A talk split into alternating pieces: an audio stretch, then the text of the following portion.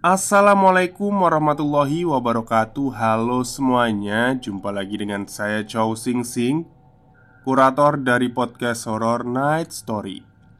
Halo apa kabar semuanya? Semoga kalian semua sehat-sehat ya.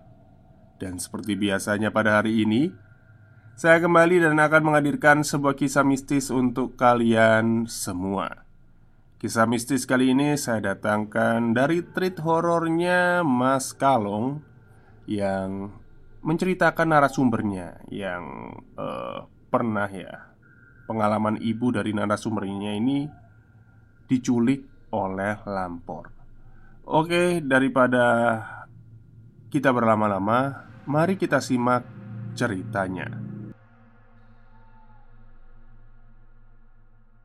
Bukan permainannya yang seram Tapi demitnya itu loh. Kalau selamat bakal gila. Tapi jika enggak ya mati. Kisaran tahun 1970 sampai 1975 Waktu itu Masih zamannya serba terbatas. Di mana anak-anak masih suka bermain di halaman rumah dan di kebun tanpa kenal rasa takut. Apalagi ketika bulan purnama tiba, itu malah membuat anak-anak lebih senang karena suasana akan menjadi lebih terang. Kejadian itu bermula ketika ibuku dan teman-temannya bermain jelungpet atau lebih dikenal petak umpet, tapi kalau orang Jawa nyebutnya delian. Malam itu kebetulan bulan sedang menampakkan dirinya hampir bulat sempurna. Waktu yang sangat ditunggu-tunggu oleh anak-anak desa. Berbekal dengan penerangan lampu teplok Anak-anak riang gembira akan memulai permainan. Kebetulan ibuku dapat jatah jaga Sedangkan teman-teman yang lain sibuk mencari tempat persembunyian mereka sendiri-sendiri. Sembilan anak bersembunyi Ibu mencari satu persatu dan akhirnya setelah satu jam mencari tinggal satu anak yang belum diketemukan. Sebut saja namanya Purwanto. Dia anak yang belum diketahui persembunyiannya. Seketika, ibuku dibantu teman-teman yang lain mencari Purwanto. Eh, mungkin si Pur sembunyi di dekat papringan. Papringan itu kebun bambu ya. Ujar teman ibuku.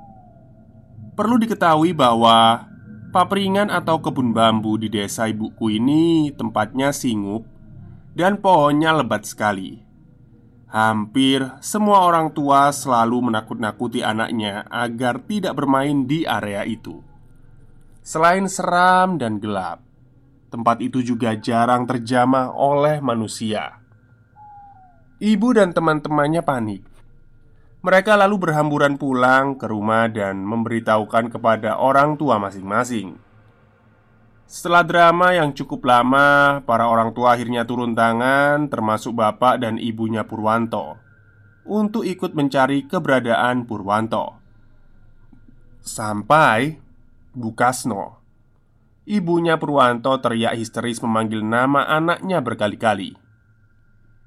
Dulu di desa ibuku ini masih banyak orang yang memiliki ilmu atau ngilmu.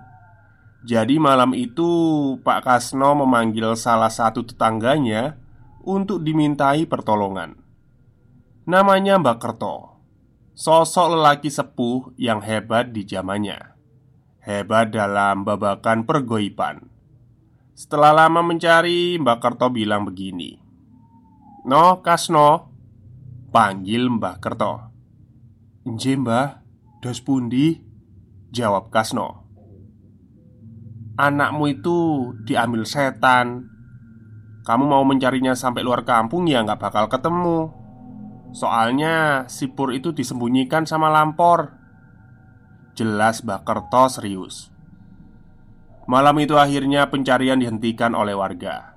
Tapi tidak untuk Mbah Kerto Sambil membakar dupa beberapa kali dengan kedua telapak tangannya mengambil asap dupa itu kemudian diusap-usapkan ke wajahnya.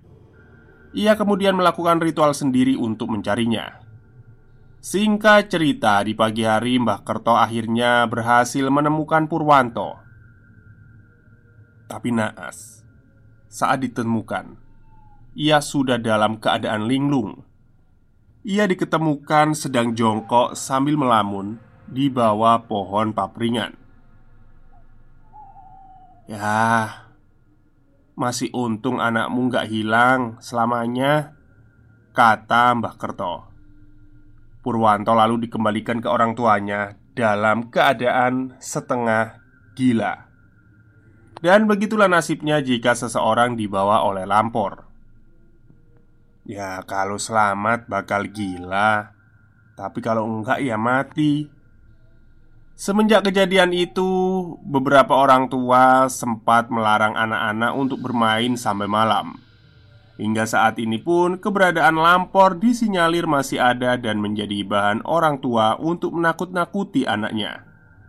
Jika menjelang maghrib masih belum pulang bermain Banyak yang tahu Jika Lampor sering diwujudkan kedatangannya dengan keranda terbang Dengan membawa orang atau anak yang akan diambilnya Jika tidak ingin dilihat Lampor katanya Harus bersembunyi di bawah sambil jongkok Jangan sampai kelihatan oleh Lampor Dan jangan sampai mendengar suaranya yang khas Yaitu Well, walk Well, wo. Sekian kisah dari ibuku, semoga bisa menghibur teman-teman.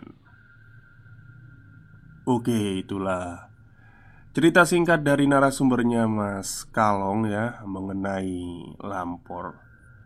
Sebenarnya lampor itu uh, apa ya bisa dibilang sejarahnya lampor itu panjang sekali ya Cuman saya belum menemukan sejarah yang pas karena banyak versi yang mengatakan lampor ini seperti ini, lampor ini seperti itu gitu ya. Mungkin lain kali saya bahas. Oke, mungkin itu saja cerita untuk kali ini. Semoga kalian semua suka. Wassalamualaikum warahmatullahi wabarakatuh.